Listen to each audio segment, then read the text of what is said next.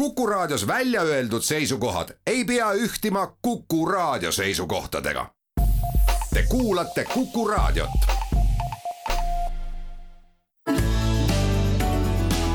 keskpäevatund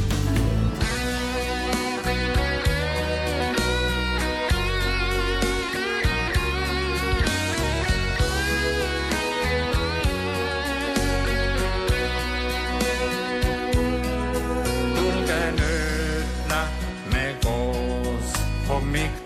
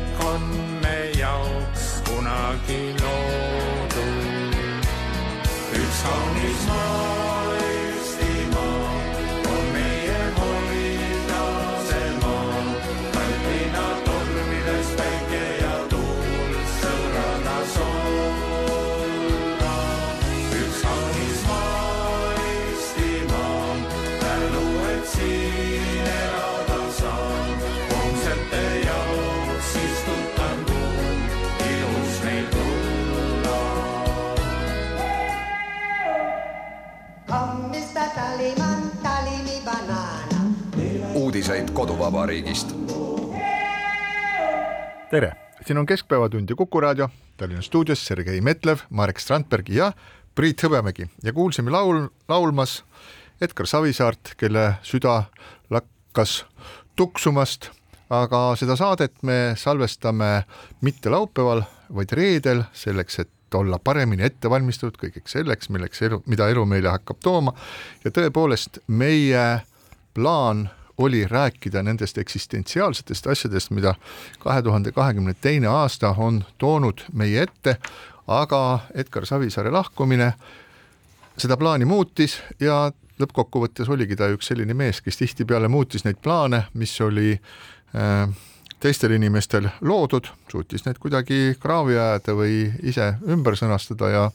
ja nii ka meie plaan siin selle saate tegemisele, öeldakse ju nii, et kui plaan põrkub kokku eluga, siis ei jää plaanist suurt midagi järgi, aga igal juhul Edgar Savisaar laulis meile oma laulu Kaunis maa, mis on minu teada ainukene laul, mille ta on salvestanud. Ja on ka mitmesuguseid teisi laule, mida lauldi temast, mida, mida tema kohta lauldi, aga neid me täna siin ette ei kanna, igal juhul oma saate alguses meenutame siis seda Eesti riigimeest, kes mõneti ootamatult kerkis äh,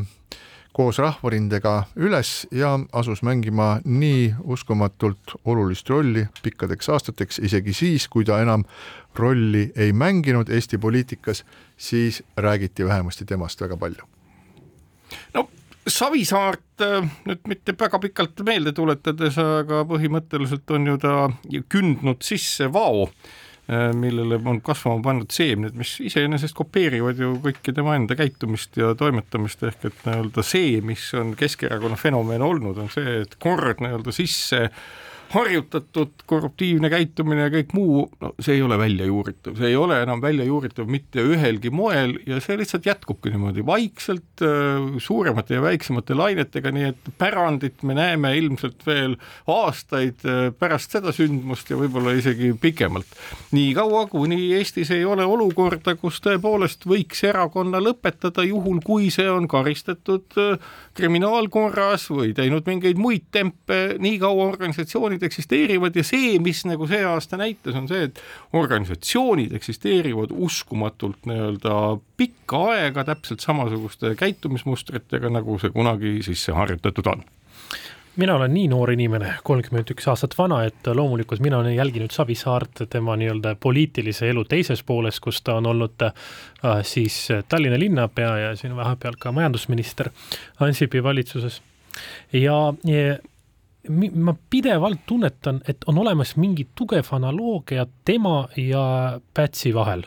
et see antagonism, eks ole, Eesti vabaduse eest võitleja noorena ja vanana juba suurte küsimärkidega ja autoritaarsuse poole kalduv ja seal on korruptiivne maik juures, et äh, Pätsi äh, pea rajamine võttis ikka kümnendeid kuni selleks oli piisav konsensus, et ma arvan, et Savisaar, tema kuju nõuab samamoodi väga palju aega, ma oleks ettevaatlik ikkagi äh, Savisaare kiire sellise nii-öelda kampaania korras heroiseerimisega. et äh, on veel palju ajaloo raskusi vaja asetada ajaloo kaaludele, enne kui teha selliseid suuri samme. Ja kahtlemata. Ma tsiteeriksin äh, siinkohal Rein Veidemanni, kes on äh,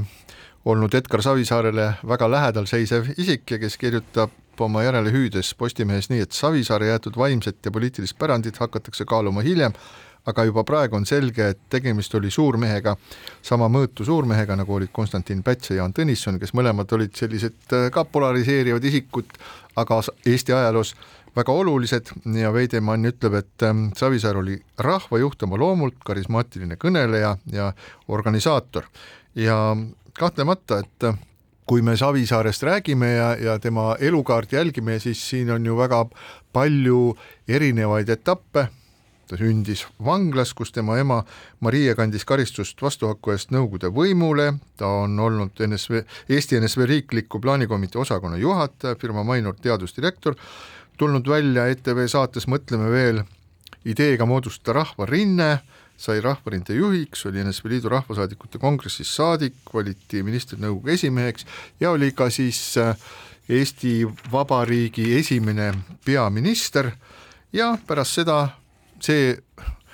see etapp on nii-öelda suhteliselt sujuv, võiks öelda, aga siis, kui ta oli juba saanud poliitikuna nii-öelda tippu, siis tekkisid suured probleemid. Ähm,, lindiskandaal, mis tõi siis ähm, Savisaare võimult ära või tõmbas ta võimult tagasi ja pärast seda ei saanudki ta enam nii-öelda suures riigipoliitikas kuigivõrd enam löögile, ta oli siis vaheldumisi Tallinna linnapea ja linnavolikogu aseesimees ja linna volikogu esimees ja siis jälle linnapea ja nii edasi ja nii edasi, et et ta nagu sumbus kommunaalpoliitikasse, hakkas tegelema tänavatega, pidama suhteliselt selliseid noh, ma ütleks, et mitteolulisi diskussioone Tallinna linnavolikogus, surudes maha siis opositsionääride täiesti nagu asjalikke ja tõsiseid küsimusi ja, ja mingis mõttes ta tegi ka selle linnavõimu täiesti naeruväärseks. ja sellega me mingisuguses, mingisuguses osas elame tänapäevani, ehk mis ma nagu kokkuvõtlikult tahaks öelda, et see pikk tee, mille ta läbi käis, tema ju kunagi ei saanud äh, ei, ei suutnud välja astuda sellest ajastust, kust ta siis tuli, ta ei suutnud sellest plaanikomiteest ja autoritaarsest süsteemist, nii-öelda korruptiivsetest äh, skeemidest välja astuda, ta jäi lõpuni lõpp, lõpuni oli ta selles kinni, kuigi ta ise on öelnud seda, et jah, aga lõppkokkuvõttes ma tulin ikkagi puhtalt kõigest välja, kui see on saavutus samas me ju teame, et äh, Jüri Lotmani kontseptsioon kultuurist nii-öelda semiosfäär, eks ole, et äh, ta ongi loonud sellise semiosfääri, mis on kasvatanud endale juurde väga palju temast oluliselt nooremaid äh, uue põlvkonna inimesi, kellel on kõigil küljes täpselt samasugused äh, ütleme natukene vildakalt maailma käsitlevad äh, kontseptsioonid, nagu tal eneselgi, mida sa just kirjeldasid. ja selles mõttes on nii-öelda noh, ütleme au ja kiitus Lotmanile niivõrd läbinägeliku hüpoteesi püstitamise eest, aga tõepoolest selline tomp mida siis võib nimetada siis semiosfääriks, mis on seotud kogu selle nii-öelda poliitika ja maailmavaatega, on täiesti noh, kuidas ma ütlen, formaalselt justkui me teame, Euroopa Liidu parlamendis, eks ole, liberaalide hulka kuuluv Keskerakond, aga kehastab mingit täiesti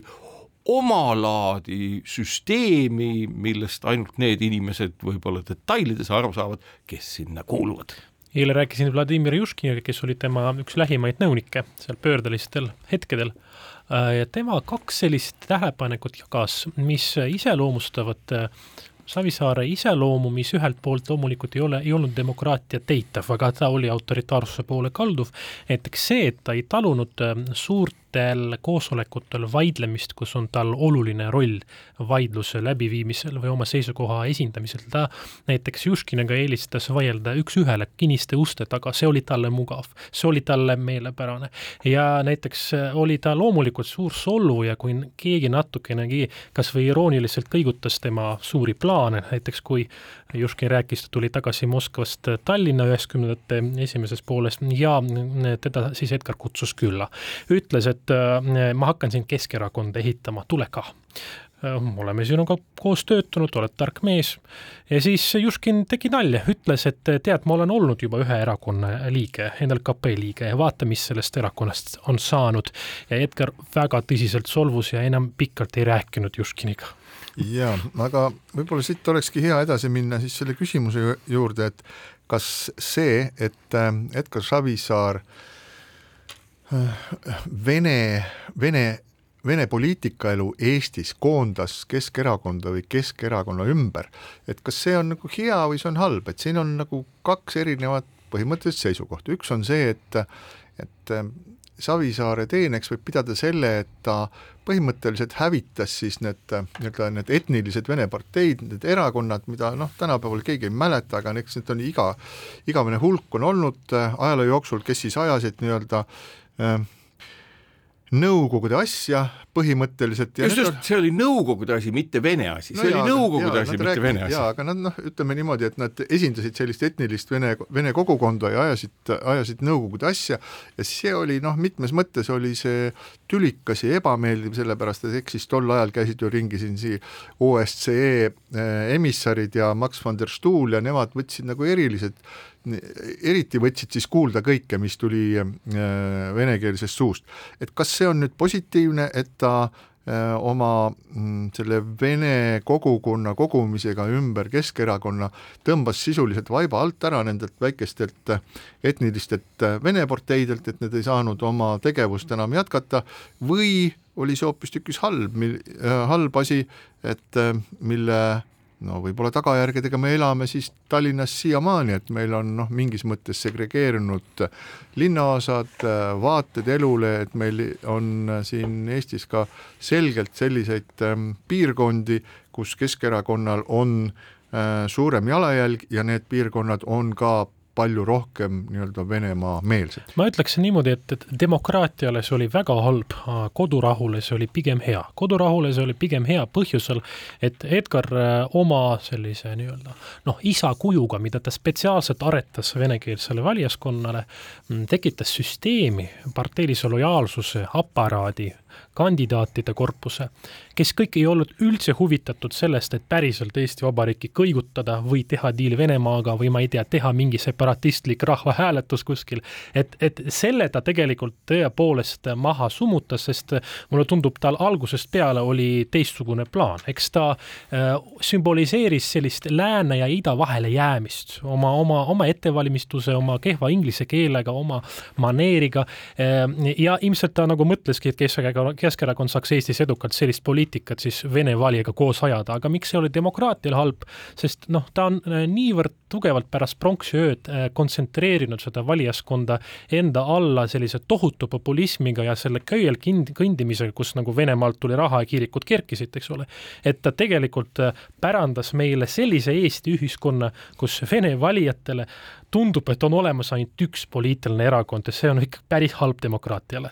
muidugi siin tuleb meenutada sedasama nii-öelda juba jutust läbi käinud Max van der Stuhli, kes oli üsna nii-öelda kommunistliku ilmapildi ja Moskva orientatsiooniga tegelane ja kelles nii-öelda aukartus oli sedavõrd suur, et oh, et kui me neid Stuuli ettepanekuid nüüd ikka kuulda ei võta, et ei saa me Euroopa Liitu ega kuhugi, iseenesest tagantjärgi võib öelda, et eks see Stuul oli ka selline nii-öelda üles puhutud kerakala, kes jättis suurema mulje, kui ta tegelikult oli. aga kogu selle asja kokku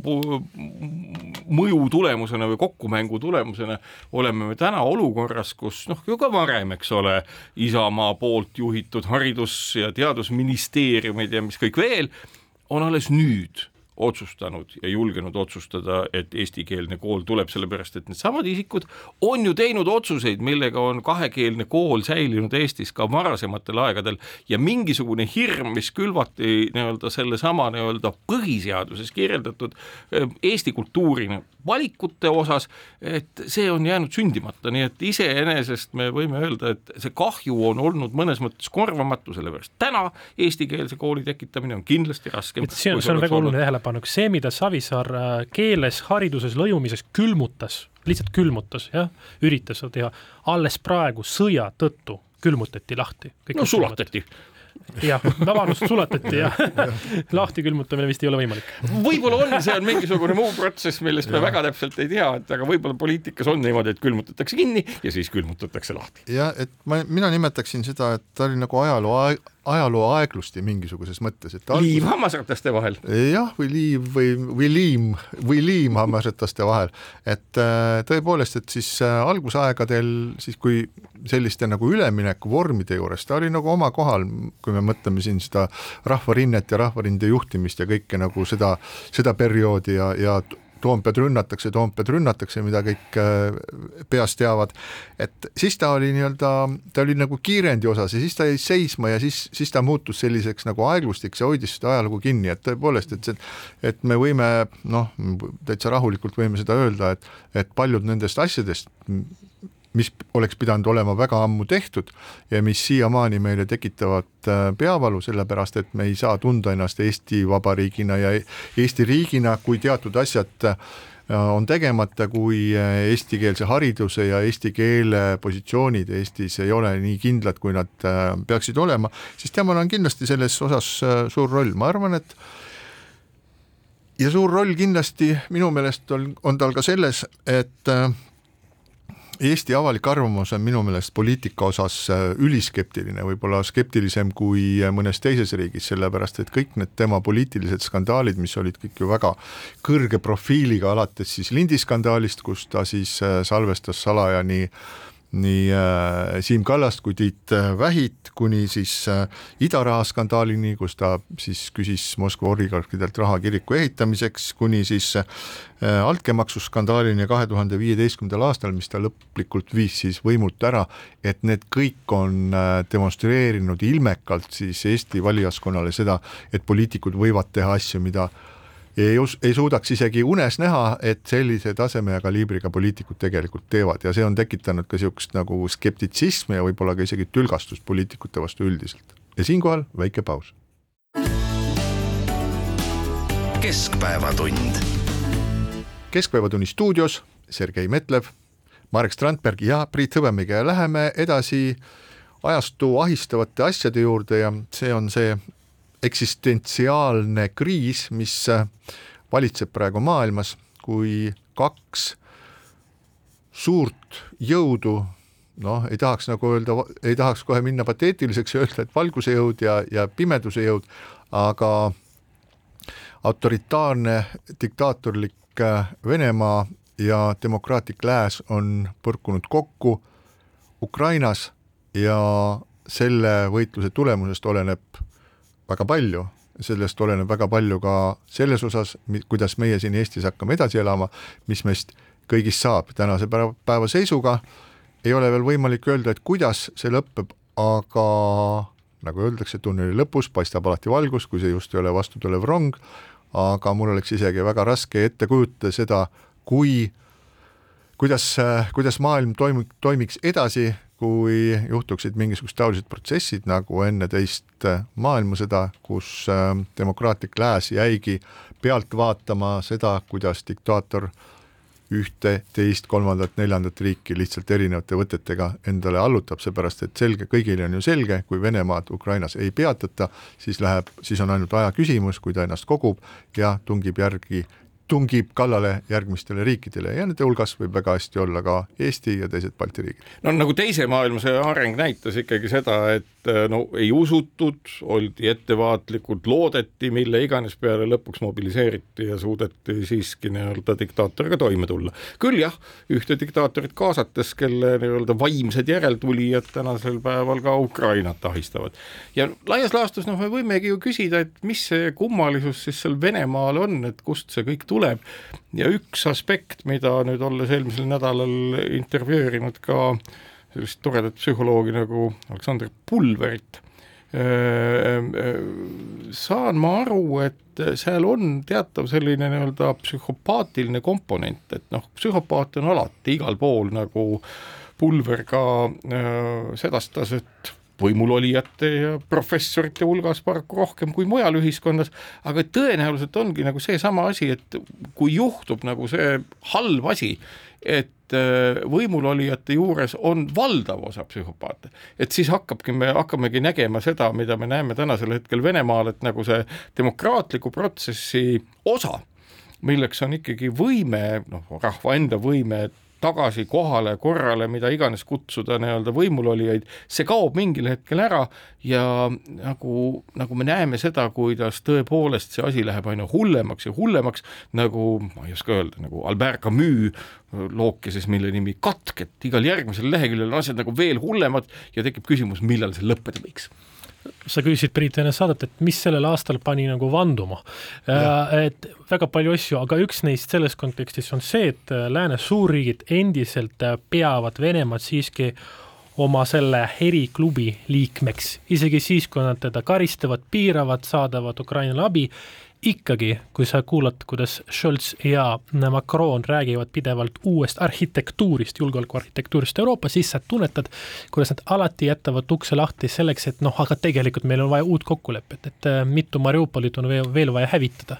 et see muutuks, ma ei tea, aga äh, sakslaste puhul minu jaoks oli ikkagi äh, selline suur löök äh,, kui ma sain aru, et pärast seda Scholzi kuulsat kõnet, kus ta ütles, et nüüd sada miljardit eurot Bundeswehrile äh,, me hakkasime vaatama ja nägema, kuidas Saksa mm, uute identiteeti sisse kodeeritud loosung võitle algetega, see on see, kuidas Saksamaa ehitas moraalse süsteemi, kuidas ennetada midagi sellist kodumaal, ei rakendunud, ei toimi väljapoole Nad see... on üles ehitanud oma riigi sellele, et vastu seista totalitarismile, autoritarismile, aga siis, kui suurimal Euroopa majandusel on vaja anda need närused nelikümmend tanki Ukrainale, siis seda ei tehta. ja, ja ma, ma ei tea, kas see muutub, aga see on ikkagi Euroopale kui kontinendile väga tõsine häirekel. ja hetkel ongi strateegiline dilemma käes, mida ütlevad kõik eksperdid, et kuni Ukraina ei saa kauglööke teha, siis see võib kas või kümme aastat kesta. ja see on justkui lahendamatu küsimus, aga kui rääkida vene kultuurist, keelest, keelest ja kõigest sellest, et minu tees on see, et äh, Putini režiim on suutnud äh, ära hävitada russofoobia. russofoobia on hirm, aga hirmu enam pole, nüüd on ainult russoviha ehk siis vene viha ja see on asi, mis ilmselt saadab kindlasti meie piirkonda, Euroopat minu elu lõpuni kindlasti, et sellest enam nii lahti ei saa lihtsasti. nüüd muidugi küsimus on selles, et kui sa selle Saksamaa näite tõid, siis noh, küll mitte muutudes nüüd välispoliitika saateks ja arutama neid asju, aga põhimõtteliselt tähendab see ju seda, et Saksamaa ju pärast nagu paljud teisedki riigid sisuliselt ju okupeeriti erinevate riikide poolt ja seati seal nii-öelda kord majja sõna otseses mõttes, kõik tsiviilsuhted ja muud asjad ja siis lahkuti. nüüd Venemaaga ollakse ju samas situatsioonis, et ma arvan, et isegi Saksa kantsler või kes iganes ju taipab seda, et ilma Venemaad noh, piltlikult öeldes okupeerimata ja seal asju ümber korraldamata, no mingit lootustki ei ole, et seal kultuuris või selles riigisüsteemis midagi muutub. ja ma kujutan ette, et üks asi on nagu hirm noh, nii-öelda venelaste ees kui sellise võimu kuritarvitajate ees, aga teine on ka hirm selle ees, et aga mis siis juhtub, kui me tõepoolest püüaksime nagu lahendada seda samal moel, nagu denatsifitseeriti Teise maailmasõja lõpul Saksamaa, et see on lihtsalt nii üle jõu käiv ülesanne, et keegi pigem ei taha seda, selle peale mõelda, nagu ikka sellistel puhkudel, käivitub selline kognitiivse dissonantsi mudel inimeste ajudes, et noh, et see on nagu, mõtleme selle ilusamaks ja väldime seda üldse kõikides oma mõtlemiskultuuri osades ja natukene me selliseid asju ju täna näeme jah, eks see on seotud kindlasti ka sellega, et Venemaa kõige suurem tugevus ei ole mitte need raketid, mida ta kuskil seal mingis äh, koopas teeb ja suudab smugeldada sisse kuskilt Taimanilt ka mingisuguseid äh, kiipe, aga see kõige suurem tugevus on, on strateegiline sügavus. ja see on see, mis on viinud äh, kõik need sõjad, mis siis äh, Venemaaga alates tuhande kaheksasaja kaheteistkümnendast aastast tema territooriumil on siis peetud, ehk siis alates Isamaa sõjast ja suuremast, suurest Isamaa sõjast Napoleoni sõja käigust Moskva alla, kus äh, viiesajast tuhandest äh, võitmatu armee sõdurist vaevu kümme-viisteist tuhat jõudis siis üle Neemani jõe, lõpuks tagasi lööduna kaltsudes ja, ja kõhutõve käes äh, värisedes, samamoodi nagu siis äh, Saksa väed äh, külmusid sisuliselt ära seal Venemaal, et see on niivõrd pikk ja sügav maa, et keegi ei taha sinna tungida. Ja sa, kui rääkida sellest, et denatsifitseerimisest, siis noh, põhimõtteliselt tuleb kohal olla, et mida siis, et sa tõid siin Saksamaa tõid näiteks, aga sama hästi me võiksime tuua näiteks ka Jaapani, sellepärast et sisuliselt oli Jaapan siis äh, Ameerika Ühendriikide äh, sellise äh, kontrollrežiimi all, kus ehitati siis endisest väga-väga ma ütleksin, võikalt militaristliku meelelaadiga riigist ehitati ümber demokraatlik riik, aga selleks peab olema, selleks peab olema kohal, selleks peab olema nii-öelda sõjaväeliselt juhitud noh, kuidas öelda, okupatsiooni või denatsifitseerimis Just. või demilitariseerimisvalitsus äh,, aga kuidas, aga, aga kui me võtame need kõik need näited, nii siis tuhat kaheksasada kaksteist kui tuhat üheksasada kolmkümmend üheksa kuni, kuni tuhat üheksasada nelikümmend viis, siis on täiesti selge see, et viimane asi, mida siis nii Lääne-Euroopa kui ka Ameerika Ühendriigid tahavad, viimane asi on minna nendele lõpututele väljadele, poristele teedele ja ja jubeda pakase kätte sinna midagi nagu asjatama, et seda, aga kuidas seda teistmoodi teha? teistmoodi no, saabki seda teha näiteks ikkagi sellel samal moel, et kui olukord on Venemaa jaoks väljakannatamatult talumatu, siis ei pea olema okupatsioon alati tapmise ja lõhkamise kaudu, vaid äh, võib ka nii-öelda rahuläbirääkimiste raames äkki midagi sellist juhtuda, sellepärast et kõik muu on väga vägivaldne. Venemaa strateegiline sügavus ja suurus ka on dikteerinud läbi sajandite selle, et selle elanikkond on väga atomiseeritud et on väga omaette tegutsevad inimesed valdavalt, keda liidab võib-olla mingisugune nagu müüt teisest maailmasõjast, sellest võidust üldiselt on inimene inimesele ikkagi Venemaal noh, päriselt ka hunt. Et seal kogukondlik elu, kõik nagu see, mis ei ole riik, mis ei ole ametlikult korraldatud, on äh, läbi ajaloo olnud nõrk. Ja seda ei suudetud ka korvata nüüd viimase kolmekümne aasta jooksul. ja see atomiseeritus ühelt poolt on suurepärane mängumaa diktaatorile, et sellised, need inimesed ei, ei pane vastu, nad ei koondu, nad on peata. Ja me siin kogu aeg kirume, eks ole, neid venemaalasi, miks nad Putinile välja ei astu, nad ei oska, nad ei tea, seda ei ole, seda ei ole kultuuri tasemel. et kui väike, äh, praegu küll laiatakse pidevalt äh, maha Ungarit asja pärast, aga mäletame seda hetke, kui Ungari rahvas tervele Nõukogude armeele vastu üritas panna ja alguses päris hästi, pärast loomulikult äh, kõik tapeti ära, kes vastu panid, aga siiski, suur rahvas ei suuda seda teha, sest ta on väga atomiseeritud, aga see atomiseeritus omamoodi on ka võti tuleviku muutusteks, sest siis, kui kroon kukub, siis see atomiseeritus tähendab seda, et selles riigis hakkab äh, toimuma selline käärimine, mis äh, võib tähendada, et tal hakkab olemast oht. No me võime ka vaadata seda asja nii, et sõda tegelikult on jällegi üks katalüsaator ja see võib, see sõda võib olla katalüsaator siis Venemaa no totaalse muutumise, millele peab eelnema siis kindlasti ka totaalne kokkuvarisemine selles üldises protsessis, sest kui me vaatame seda, mis on siis toimunud viimased, umbes viimased kakskümmend aastat, siis äh, Venemaal toimuvad paralleelselt äh, järgmised protsessid, et äh, rahvastik väheneb, rahvastik väheneb tohutus tempos, samal ajal siis nii-öelda suureneb Hiina huvi teatud Siberi alade vastu, aga põhimõtteliselt rahvastik äh, väheneb ja see on murettekitav.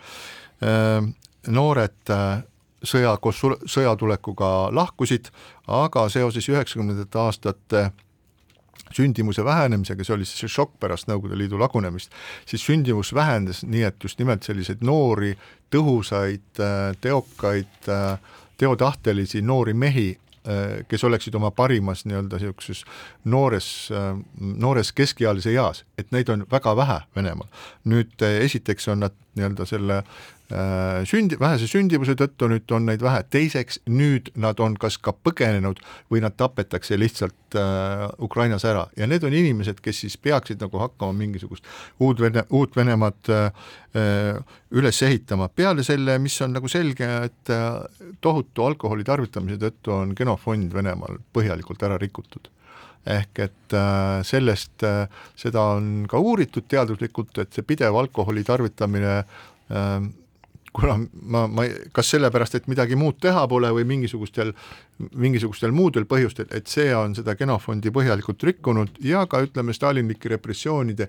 ja koonduslaagrite tõttu on nutikam, targem osa nendest inimestest lihtsalt hävitatud, et me võime sellele leida väga palju erinevaid tõestusi. Ja, ja selle krooniks on veel see, et viimase kahekümne aastaga on siis äh,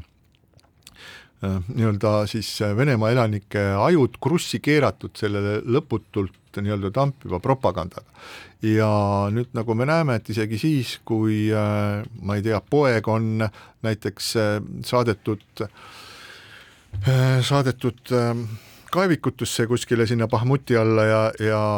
ta räägib oma emaga, siis ema ei pruugi päriselt uskuda, et seal ikka mingisugune sõda käib, et küllap teid ikka võetakse siis seal Ukrainas lilledega vastu, pojake, et äh, ära kuula kõike seda, mida sulle öeldakse, et teist, mida ma selle kõigega tahan öelda, et äh, raske öelda, aga minu meelest see rahvas, rahvas on niivõrd lootusetult äh, ära rikutud erinevate valitsejate ja juhtide poolt, et kuidas seda saaks küll kuidagi parandada parandada meie mõttes, samas kui Sergei kirjeldab siin sedasama rahva atomiseeritust, siis tõepoolest iga inimene eraldi võttes on väga lihtsalt ümberpaigutatav, ümber defineeritav, ümberprogrammeeritav ja seda me ju täna näeme, ehk et ega tegelikult ka väga heal järjel äh, vene inimesed on siiski ju seda meelt, et noh, et väga hea, et me siin ju ajame õiget asja ja selles mõttes nii-öelda see, see lääne pool olemise või see ka, mis Eesti jaoks on ju äh, kahes aspektis isegi väga oluline on see, et noh, siinsamas jutuks olnud, et väga suur nii-öelda rindejoone paksus, mis on võimalik Venemaal, ei ole võimalik Eestis, et noh, Eesti ulatus ongi see, mis on täna Ukraina rindejoone sügavus ehk et meie jaoks on see üsna, üsna keeruline olukord. ja teine asi, iga kui sekund, iga kui päev, tund või mis iganes, et see, mis antakse Venemaale täna aega kosuda, on tegelikult äh, globaalselt julgeolekurisk ja nüüd üks asi, mida me võime öelda, et noh, meil on õnnestunud nüüd küll läbi igasuguste hädade ära seletada, kui ohtlik on Venemaa olnud laiemalt, aga teine asi on see, et kui piiramatu on tegelikult nende inimressurss ja ajaline ressurss, mis võimaldab neil täpselt samasugust vana tüüpi tehnikat ehitada ja sellega kottida ükskõik millist riiki, Ukrainat, Eestit või keda teist. kahjuks nii on ja siinkohal väike paus. keskpäevatund. keskpäevatund jätkab Kuku raadio stuudios Sergei Metlev, Marek Strandberg ja Priit Hõbemägi. pöördume nüüd äh, oma pilkudega ka Eesti poole, see aasta Eesti poliitilises elus on olnud ka hästi heitlik, me oleme näinud mitmesuguseid erinevaid äh, valitsusi, me oleme näinud äh,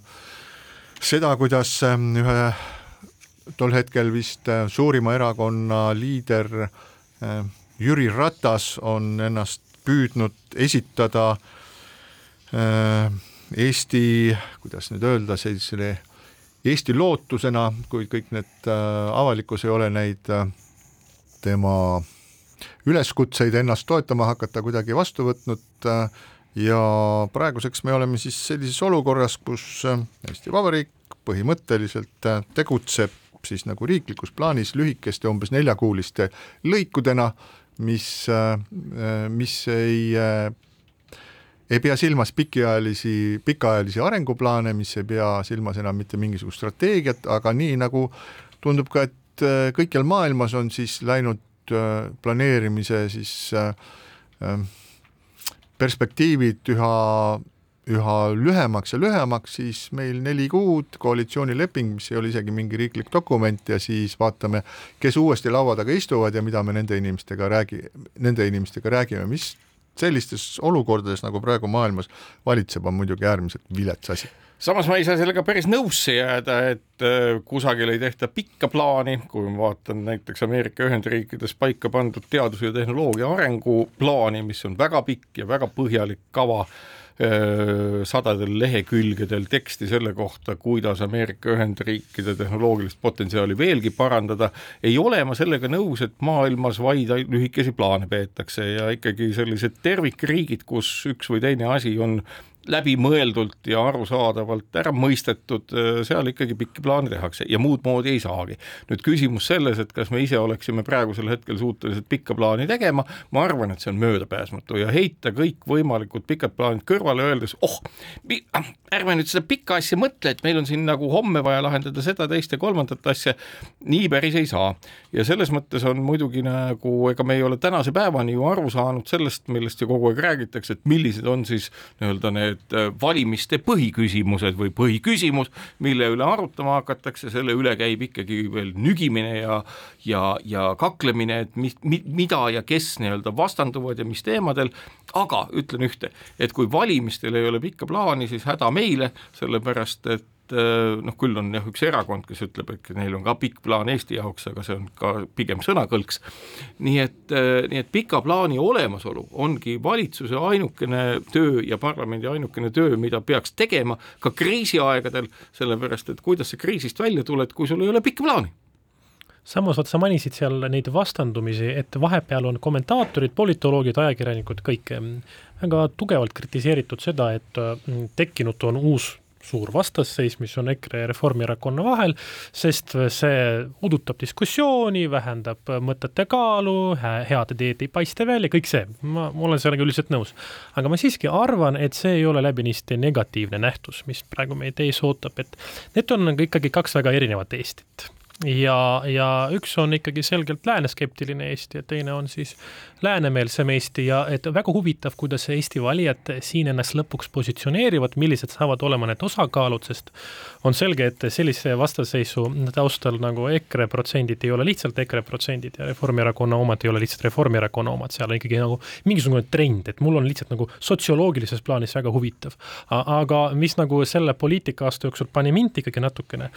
Äh, natuke nagu muretsema, et ma, ma, ma siiralt ei saa aru, ma ei saa aru, milleks on vaja praegu EKRE-l äh, flirtida venekeelse valija kõige tagumisema reaga. et siin ikka Mart Helme on pannud niisuguseid kilde maha põgenike kohta ja teistel teemadel, et et, et niisugune tunne, et EKRE ei usu, et see, kogu see olustik Ukraina ümber ja sõda noh, toetab nende numbrit, sellepärast et see justkui läheb konkurentidele. aga ma loodan, et see päris sellisena ei, ei ole nende mõtlemises. no siin on muidugi ju see lugu, et ega ainukene kapital, mida erakond koguda saab, ongi valimis valimistel hääled ja mandaadid. Ja põhimõtteliselt siin vist kehtib juba see reegel, et, et ähm, kui raha eest saab mingi hulga neid ja kõik muu, mille saab vale ja blufi eest, on ka tänuväärne, sellepärast et pärast valimisi on alati olemas selline noh, kuidas ma ütlen, steriliseerimislüüs, mille nimi on koalitsioonileping. Ja siis ongi, et äh, millest on vähemalt EKRE kindlasti aru saanud, on see, et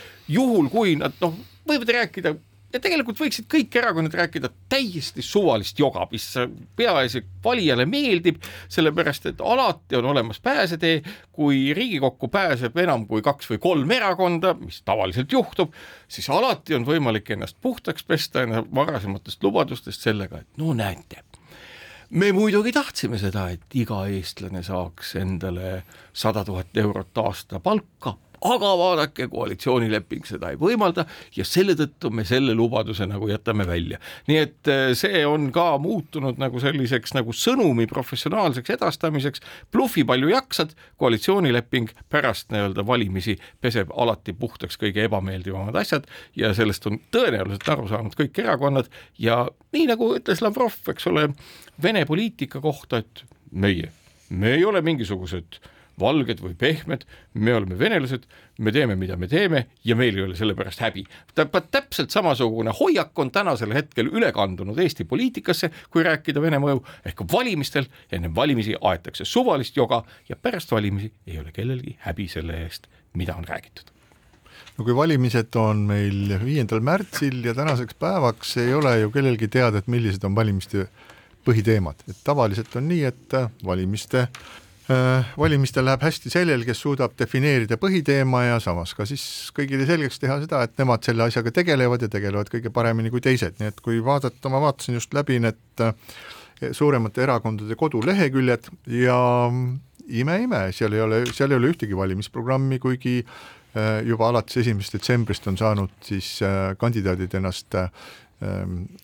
oma dokumente esitada, seal ei ole valimisprogrammi, kui mõni on, siis, siis on see hoopistükkis siis eelmistest äh, parlamendivalimistest äh,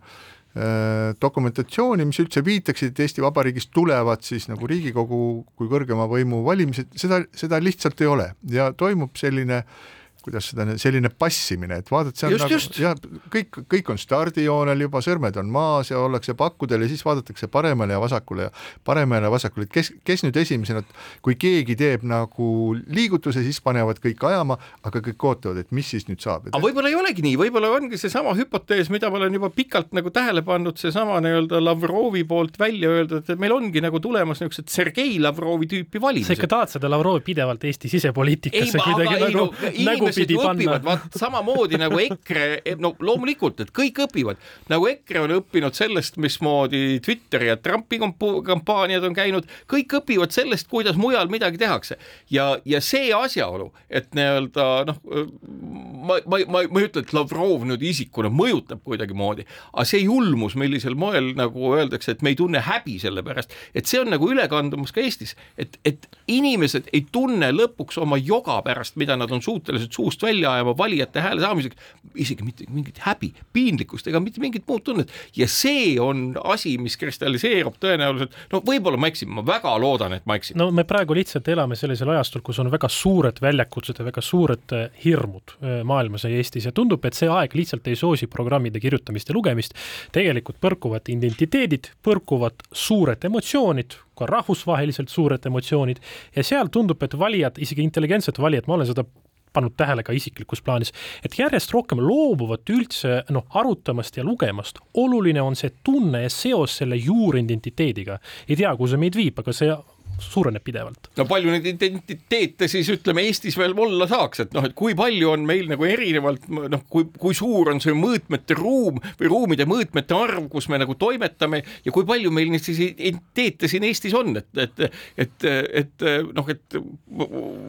no kolm, laias plaanis on, ma ütleksin neli, et üks on siis nagu sa ise ütlesid, üks on siis nagu lääne, läänesõbralik liin, siis on lääne kriitiline liin, siis on äh, ütleme, etniliste venelaste ja võib-olla enam, enam mitte Venemaa sõbralik, aga noh, varem Venemaa sõbralik liin. Ja siis on veel nii-öelda sissepoole pööratud siis Eesti-keskne liin. kas sa tahad öelda oma selle ütlusega, et tegelikult me peaksime praeguste valimiste eelselt nagu prügikasti heitma kogu vasak- ja parempoolse nii-öelda kontseptsiooni ja, ja, ja meil ei ole enam kohta ei ühele ega teisele ka mingile noh, varasemalt maailmavaateks olnud asjadele, sotsiaaldemokraatiale või rohelisusele või kama millele, vaid et eh, need ongi nii-öelda põhimõtteliselt need neli liini, mis tänasel hetkel välja paistavad ja inimesed tunnevad identiteeti pigem ma sellega. õigus, need erakonnad paigutavad nende liinide sisse, nad toituvad sellest, nad enam ei arva, et nad on programmilised erakonnad, nad on liinierakonnad ja kusjuures enamus neist tunneb ennast päris hästi selles mis tähendab seda, et nii-öelda, mis me teeme siis politoloogidega, kes ikka üritavad veel rääkida vasakpoolsusest, parempoolsusest. Kõik, kõik äh, opereerivad minu arvates vananenud terminoloogiaga. ehk et me oleme tänaseks nagu defineerinud selle, mis tegelikult valimistel toimuma hakkab. no lõppkokkuvõttes äh, võiks, võiks öelda ka seda, et politoloogid ja suur osa sellest poliitilisest diskussioonist on ikka jäänud kinni siis äh, suurde Prantsuse revolutsiooni ja Rahvusassamblee siis ähm, ülesehitusse, parem pool, vasak pool ja siis, ja siis soo keskel, eks ole. ja neljas äh, ajakirjanike loos veel kusagil seal üleval. neljas, neljas seisus jah ja., mis toona siis mitte Äh, mitte võim, aga neljas seisus, mis toona defineeriti tõepoolest, kes seda kõike pealt vaatab, et äh, ja kes seda teab, et võib-olla me olemegi sellises olukorras, kus äh, ajakirjandusel, sellisel ajakirjandusel, millel on, on enesekontrolli, eneseregulatsiooni võime, millel on kohusetunne oma riigi saatuse ja tuleviku eest, et peabki nagu tagant, jõuliselt tagant torkima siis poliitikuid, kes kipuvad siis tegutsema umbes nii, nagu tõepoolest nagu mingisuguses Rootsi lauas, ehk et kui me meenutame siis president äh, Kaljulaidi, kes ütles, et ta on liberaalne konservatiiv, et noh, iseenesest nüüd selles vanas süsteemis vaadates on see ju nonsense, et sa oled see või sa oled teine, aga see näitab minu meelest sellist üldist Rootsi lauastumist, et mitte ainult enam valijad ei vali oma äh, siis äh, eelistusi nii-öelda, et mulle meeldib sellest erakonnast see ja sellest erakonnast meeldib see asi, aga siis mulle meeldib veel tema nägu ja kui ta leiab siis nende kolme vektori mingisugune ristumispunkti, et siis seda ta valib, aga erakonnad täpselt samamoodi valivad seal poliitiliselt Rootsi laualt mingisuguseid endale palasid ja siis koostavad oma liua. Kui ma teen siin ühe kõrvalepõike siis selle aasta Nobeli füüsikapreemiatesse, siis äh, just nimelt äh, maailma äh, kvantmehaaniline ime ongi see, mis tänase aastaga on siis õpikutarkuseks kirjutatud, mis tähendabki seda, et meil on piltlikult öeldes nii Schrödingeri valijad kui Schrödingeri Schrödingeri valitavad, kes on samal ajal nii elus kui surnud, kes on samal ajal nii parempoolsed kui vasakpoolsed ja, ja maailm ongi hoopis mitmekesisem ja toimub teistmoodi, kui senine poliitiline nii-öelda polariseerituse klassifikatsioon näidanud on. midagi võib kindlalt öelda siin Edgar Savisaare lahkumise taustal on see, et kindlasti on isikute poliitika Eestis lõppenud. et seda enam ei ole, et mina küll praegu ei oskaks nimetada ühtegi Eesti poliitikut, tegevpoliitikut, keda ma saaks nagu nimetada kliimat loovaks või midagi, kõik on ikka seal liinide pidi kuskil seal sees sinna vajunud, et äh, see ajast on tõesti lõppenud. mis tähendabki seda, et edu saavutavad need, kes suudavad häbi tundmata võimalikult palju valetada ja pärast vaatame, mis välja tuleb. ja sellega me lõpetame oma tänase saate, lõpetame ka keskpäevatunni aasta kaks tuhat kakskümmend kaks, teiega oli väga hea olla sel aastal, me saime palju mõtteid vahetada, täname, et te kuulasite, kohtume taas uuel aastal. Head vana aasta lõppu ja uue algust. keskpäevatund